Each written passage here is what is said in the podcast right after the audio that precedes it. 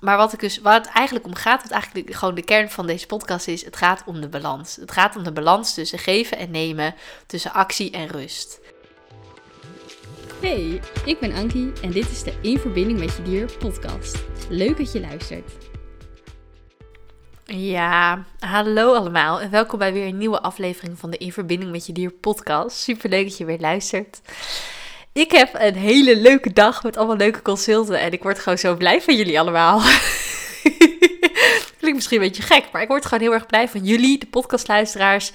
Uh, van de mensen die me volgen op social media. Van de mensen, uh, voor de basis voor wie ik mag vertalen. Voor de mensen die ik met dieren mag leren communiceren. Nou ja, met jullie allemaal heb ik uh, regelmatig contact. En vandaag ook gewoon heel veel.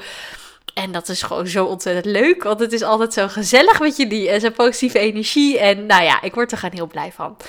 En ik vind het gewoon heel erg leuk dat ik, uh, dit, heb ik al vaker gezegd in de podcast, maar ik vind het gewoon zo ontzettend leuk dat ik mede door de podcast en door, door mijn werk als dierencoach, dat ik gewoon heel veel gelijkgestemde baasjes ontmoet.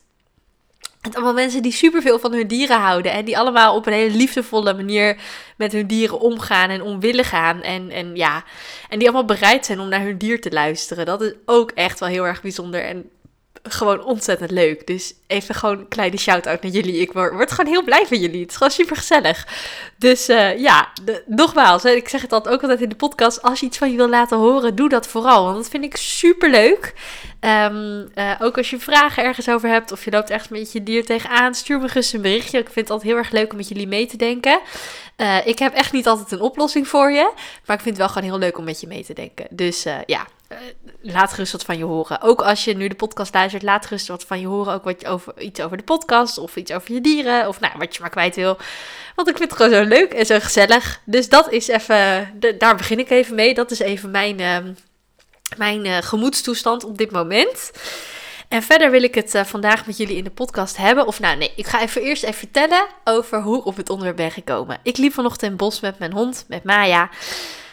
En ik dacht na van, oh ja, ik wil straks een podcast maken. Nou, ik dacht eigenlijk gewoon na over wat wil ik allemaal nog doen vandaag. En toen dacht ik, ik wil straks een podcast opnemen. En toen ging mijn gedachte natuurlijk naar, oh, waar zal ik dan over praten? Waar zal ik dan over vertellen? En toen kwam dit onderwerp dus in mijn hoofd, namelijk het belang van rust nemen. Zowel voor ons mensen als voor onze dieren. En ik zal jullie een beetje context geven. Ik heb afgelopen week een hele rustige week gehad. En de week ervoor had ik een bizar drukke week. En die bizar drukke week, uh, kijk, dat doe ik allemaal zelf. Hè. Het is niet alsof andere mensen mij verplichten om heel veel dingen te doen. Ik hou er zelf gewoon van om heel veel dingen te doen, want ik vind heel erg veel dingen leuk. dat is een ontzettend, ontzettend leuke eigenschap van mij, maar tegelijkertijd ook mijn valkuil. Want als je ontzettend veel dingen leuk vindt, als je gewoon alles leuk vindt, dan zeg je ook overal ja op en dan ga je vet veel doen. En dan denk je ook, oh, maar dat, oh, maar ja, het is wel druk, maar nou, dit kan er ook nog wel bij. Ah, dat kan er ook nog wel bij. Neem je veel te veel hooi op je vork. En ja, op het eind van de week werd ik dus ook gewoon ziek, omdat het gewoon te veel was. Ik was eigenlijk gewoon hartstikke hard over mijn eigen grenzen gegaan. En toen heb ik dus besloten, we gaan het even rustig aandoen. Daar ook mensen in mijn omgeving die zeiden van Ankie, je kan ook gewoon eens even niks doen. Je kan ook gewoon eens, als je s'avonds thuis komt uit je werk, gewoon eens even niks doen. In plaats van nog weer 10.000 dingen gaan doen. En dacht ik, ja, dat kan. Ik had eigenlijk niet best stilgezet dat dat ook nog een optie was. Maar ja, inderdaad, dat zou goed kunnen. Uh, dat is op zich ook best gezond, want het is ook goed om even uit te rusten en zo. nou ja, met andere woorden, ik had een hele drukke week. Ging hartstikke hard over mijn grens. Had ik gewoon veel te weinig geslapen. Dat helpt ook niet mee. Hè? Daar word ik altijd heel, uh, heel uh, wiebelig van. Als ik te weinig slaap, dan word ik helemaal een beetje ja, dan kan ik minder goed relativeren. En dan, oh, mijn kat loopt langs bijna langs de microfoon. Je hoort aan mijn stem dat ik denk: oh mijn god, niet langs die microfoon lopen, want straks dan gaat de opname weer verkeerd. Het is nog nooit gebeurd dat de opname verkeerd ging doordat mijn kat Mies langs de microfoon liep, maar je hoort het wel. Ja, sorry jongens. Ik moet heel even mijn stoel naar achter schuiven, dus ik ga heel even van de microfoon weg. Nou, Mies gaat even bij mij op schoot liggen, want dit is dus het punt. Ze loopt dus bij die microfoon omdat ze op mijn schoot wil liggen. En dan moet ik dus even, ik zit bij de tafel, dan moet ik dus even mijn stoel naar achter schuiven, zodat er ruimte ontstaat, zodat ze op mijn schoot kan gaan liggen. Maar ik wil dichter bij de microfoon zitten, Mies. Dus Mies en ik hebben nu even een kleine, kleine struggle. Ik, zo, ik heb de stoel weer aangeschoven. Nu zit Mies geplet tussen mij, mijn buik en de tafel in. maar ze blijft zitten, dus blijkbaar vindt ze het oké. wat wou ik nou zeggen? Jongens, mijn kat lijkt me helemaal af. Ehm, wat wou ik zeggen? Oh, ik had gewoon een hele drukke week gehad. Ik had te weinig slaap gehad. Als ik te weinig slaap heb, heb gehad, en zeker meerdere dagen achter elkaar, dan word ik een beetje humeurig, word ik een beetje wiebelig, kan ik dingen niet zo goed meer relativeren. Nou, dan, dan zit ik gewoon minder goed in mijn vel. Dat is eigenlijk gewoon een ding. Dan, dan is mijn emmer, mijn stressemmertje, is gewoon al wat voller. Hè? Ik maak die vergelijking wel eens, of misschien heb je hem al eens eerder bij andere mensen ook gehoord. Ik heb hem ook niet bedacht. Maar je hebt zo'n zo'n eh, spreekwoordelijk emmertje. Ik leg het even uit voor de mensen die niet kennen. Een spreekwoordelijk emmertje met als je dier stress heeft, dan komt elke keer een beetje in. En soms dan heb je dan dat je dier in één keer heel erg kan schrikken. eh, of heel, eh, heel erg kan uitvallen als hond zijn. Of heel erg eh, op, op hol kan slaan als paard zijn. Of een hele heftige reactie kan vertonen. Of in één keer bijt of schopt of weet ik wat. En vaak komt dat dan omdat er dus. En dan denk je nog van, hè, maar hoe kan mijn dier op één ding zo heftig reageren?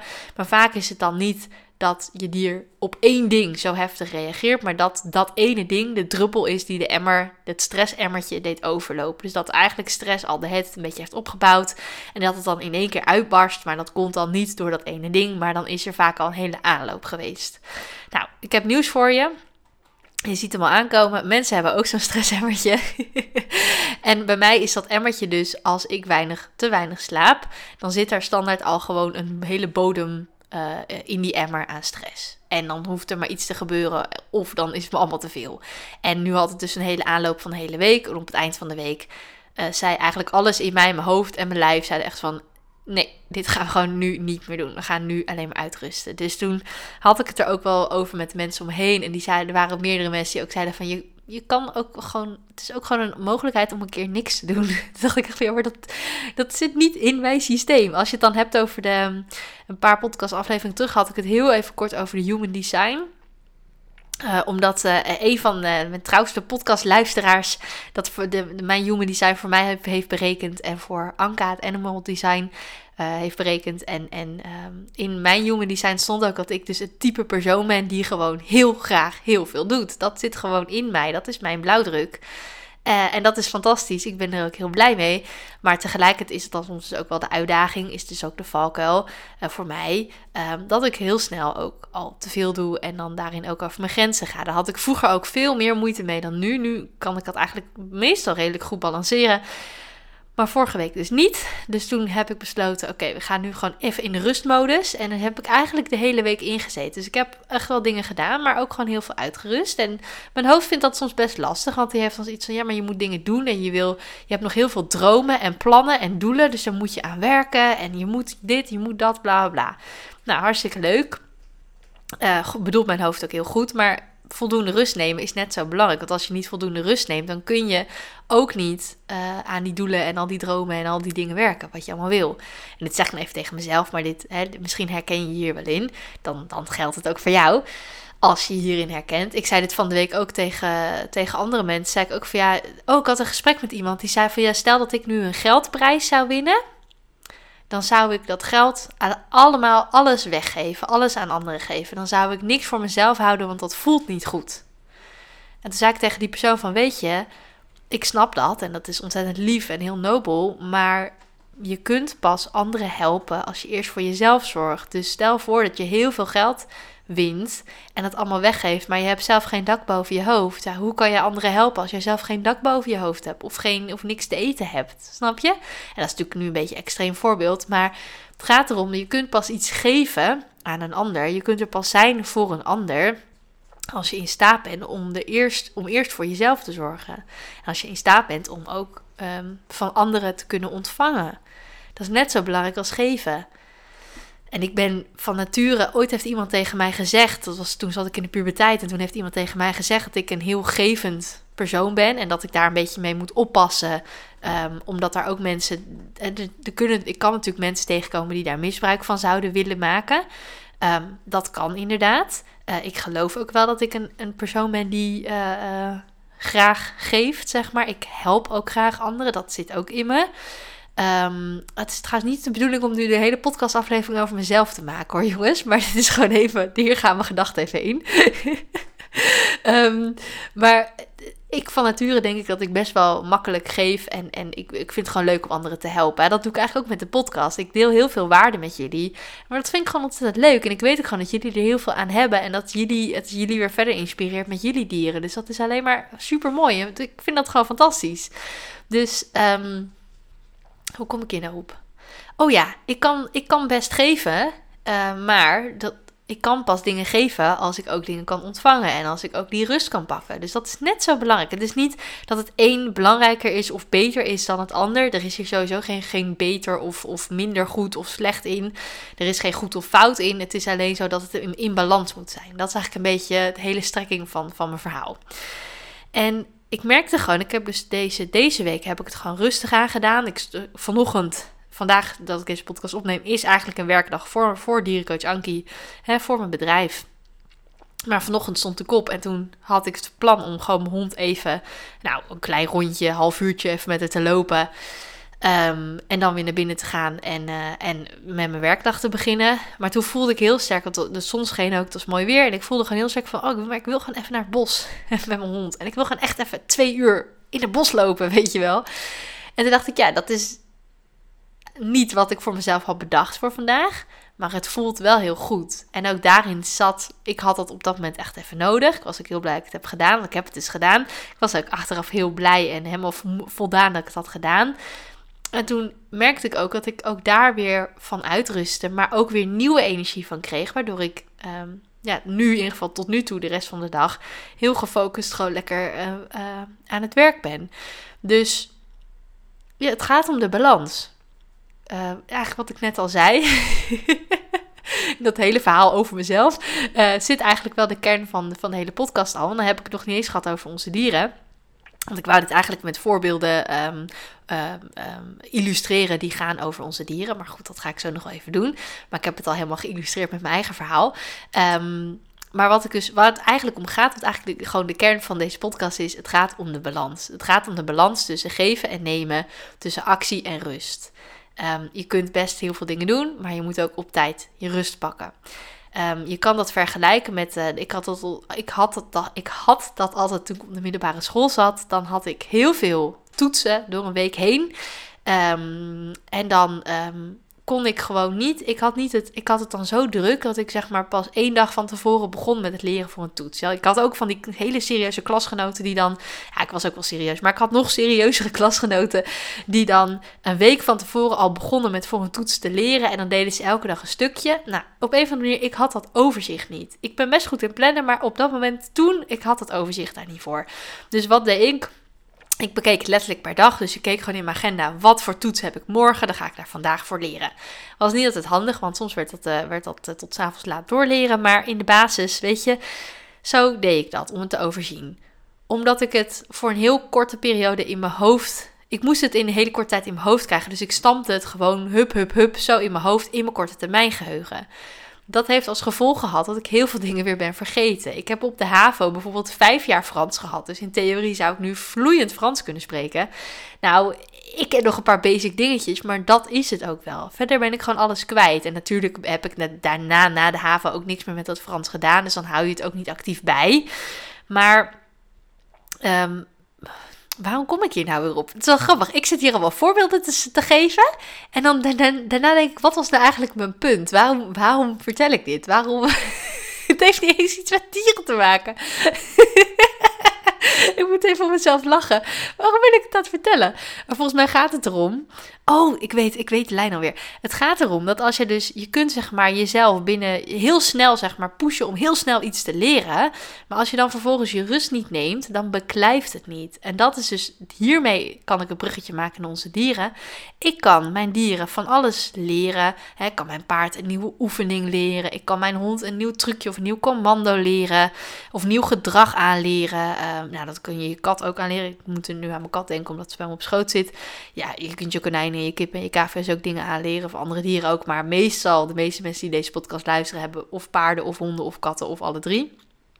Um, dus je kunt je dier nieuw gedrag aanleren. Dat is even mijn punt. Je kunt je dier van alles nieuw gedrag aanleren. Maar als je je dier daarmee overspoelt, en waarschijnlijk weet je dat wel, als je je dier daarmee overspoelt en het is allemaal veel te veel of heel veel in hele korte tijd, dan beklijft het niet. Dat is waarom ik, nu weet ik weer waarom ik dat voorbeeld gaf van mijn middelbare schoolperiode net. Ehm, ik merk het nu ook aan mijn hond Maya. Ik ben haar nu uh, commando aan het leren voordat ze haar neus tegen mijn hand aanduwt. Dan hou ik mijn hand boven haar neus. Dat ze haar neus tegen mijn hand aanduwt. Want mijn idee daarachter is, waar ik het naar wil uitbouwen, stapje voor stapje, is dat als zij haar neus tegen mijn hand duwt, dat ze hem ook langere tijd tegen mijn hand aangedrukt houdt. dat ga ik dan zo met haar opbouwen. En dat ik dan vanaf daar haar lippen op kan tillen, haar bovenlippen op kan tillen, om haar tanden te bekijken. En daarna zelfs haar tanden te poetsen. Tanden poetsen laat zij toe, dat vindt zij op zich helemaal niet zo'n probleem. Alleen ze wordt er veel te druk van. want wat is het punt? Uh, ik, ik wil elke dag haar tanden poetsen, want zij heeft uh, aanleg om tandsteen te ontwikkelen. Toen ik haar, haar kreeg, uh, had ze ook al best wel tandsteen. Terwijl zij, toen ze is gesteriliseerd, maar dat was nog in haar tijd dat ze in Servië woonde, is zij gesteriliseerd. Toen is er al tandsteen bij haar weggehaald. Daar heb ik allemaal foto's van gezien, dus ik weet zeker dat het is gebeurd. Um, vervolgens is, zijn haar tanden niet gepoetst en heeft ze weer tandsteen gekregen. En dat tandsteen is in september. Ja, in september ben ik met haar naar de gegaan. Moest ze onder narcose, moest dat weer verwijderd worden. Toen zei de dierarts, toen zei de joh, als je dat gewoon bijhoudt, dan hoeft ze niet meer onder narcose, hoeft dat niet allemaal weggehaald te worden. Dus ik dacht, nou, dat vind ik een topplan. Dus ik ben dat met haar gaan oefenen. En daarvoor gebruik ik zo'n speciale hondentandpasta. En ik denk dan, zo'n hondentandpasta, dat heeft als functie om de tanden te reinigen. Maar dat is niet het geval. Die hondentandpasta die heeft een leversmaakje. Dat schijnt heel lekker te zijn. Maya vindt het fantastisch. En um, die tandpasta is er eigenlijk alleen voor bedoeld dat een hond het tandenpoetsen leuk gaat vinden. Omdat die tandpasta zo lekker smaakt. Maar die tandpasta reinigt niet per se die tanden. Dus je kunt, die, je kunt de tanden van je hond net zo goed poetsen met gewoon uh, dat je de tandenborstel een beetje nat maakt met water. En dat, dat heeft hetzelfde effect als die tandpasta. Maar, dit is in ieder geval wat, wat ik me heb laten vertellen door, door de dierarts. Maar um, Maya vindt die tandpasta dus zo ontzettend lekker dat ze er super druk van wordt. En wat dan dus het punt is, dan til ik haar lippen op en ga ik met die tandenborstel naar haar bekje toe. En dan wil zij zo snel mogelijk al die tandpasta van die borstel aflikken. Uh, en dan gaat ze dus haar hoofd scheef houden, waardoor ik niet meer helemaal goed bij die tanden kan. Dus ik heb dus bedacht van, oké, die tandpasta laten we voorlopig even achterwege. Het tandenpoetsen doen we ook even een kleine pauze van. We gaan eerst even werken aan dat rustig op commando zetten, zodat ze hopelijk dan de rust ook wat meer kan bewaren. Ik heb ook geprobeerd om haar tanden te poetsen met dus gewoon een beetje water zonder die tandpasta. Maar toen vond ze het toch een stuk minder leuk. Dus ik, zou, ik gun het haar om elke avond eventjes, want ik poets haar tanden elke avond als ik mijn eigen tanden ook heb gepoetst. Uh, want dan vergeet ik het niet. Um, maar ik, ik gun haar elke avond eventjes een lekker leversmaakje. Dat vind ik helemaal prima. Alleen, uh, dus ik wil haar tanden best met tandpasta poetsen. Joh, uh, ik, koop wel, ik koop wel honderd tandpasta, dat vind ik echt geen probleem. Alleen er moet even rust in komen, want anders dan kan ik er gewoon niet goed bij. En dan heeft het hele tandenpoetsen ook niet heel veel zin. Want nu is het even heel snel hup, hup, hup. Aan de ene kant hup, hup, hup. Aan de andere kant. En dan is de tandpasta ook al weggelikt. En dan trekt ze er snuitje ook wel weg. Dus dan, ja, ze vindt het op zich niet erg. Maar ze vindt het ook niet heel leuk dat ik er helemaal aan zit. Dus ik dacht, weet je, we gaan het gewoon even bij het begin, vanaf het begin opbouwen. Maar goed, ik ben haar dit dus aan het leren. En wat ik gewoon aan Maya merk, is dat ze um, met herhaling leert zij het beste. Dus wat we doen, elke avond, in plaats van nu tanden poetsen, oefen ik het elke avond even een paar keer met haar. Um, maar dat is het. En daardoor gaat het leren, het leertempo, uh, ligt bij Maya niet zo hoog als bij mijn paard Anka. Bij mijn paard Anka ben ik heel erg gewend dat ze dingen heel snel oppakt. Dat ik haar soms ook per ongeluk verkeerd gedrag aanleer daardoor. En Maya is daarin um, wat langzamer, heeft daarin wat meer tijd nodig. En um, ik merkte gewoon dat zij die herhaling heel erg nodig heeft. Want zij, in het begin leek ze eigenlijk helemaal niet zo heel erg te reageren. Want toen ging, het, ging ik het gedrag op commando. Eerst had ik het gedrag beloond van steeds mijn hand aanraken. Toen op een gegeven moment ging ik er een commando bij gebruiken. En daar leek ze in het begin ook helemaal niet op te reageren. En ik dacht ook van ja, zou het nou wel bij de binnenkomen of niet?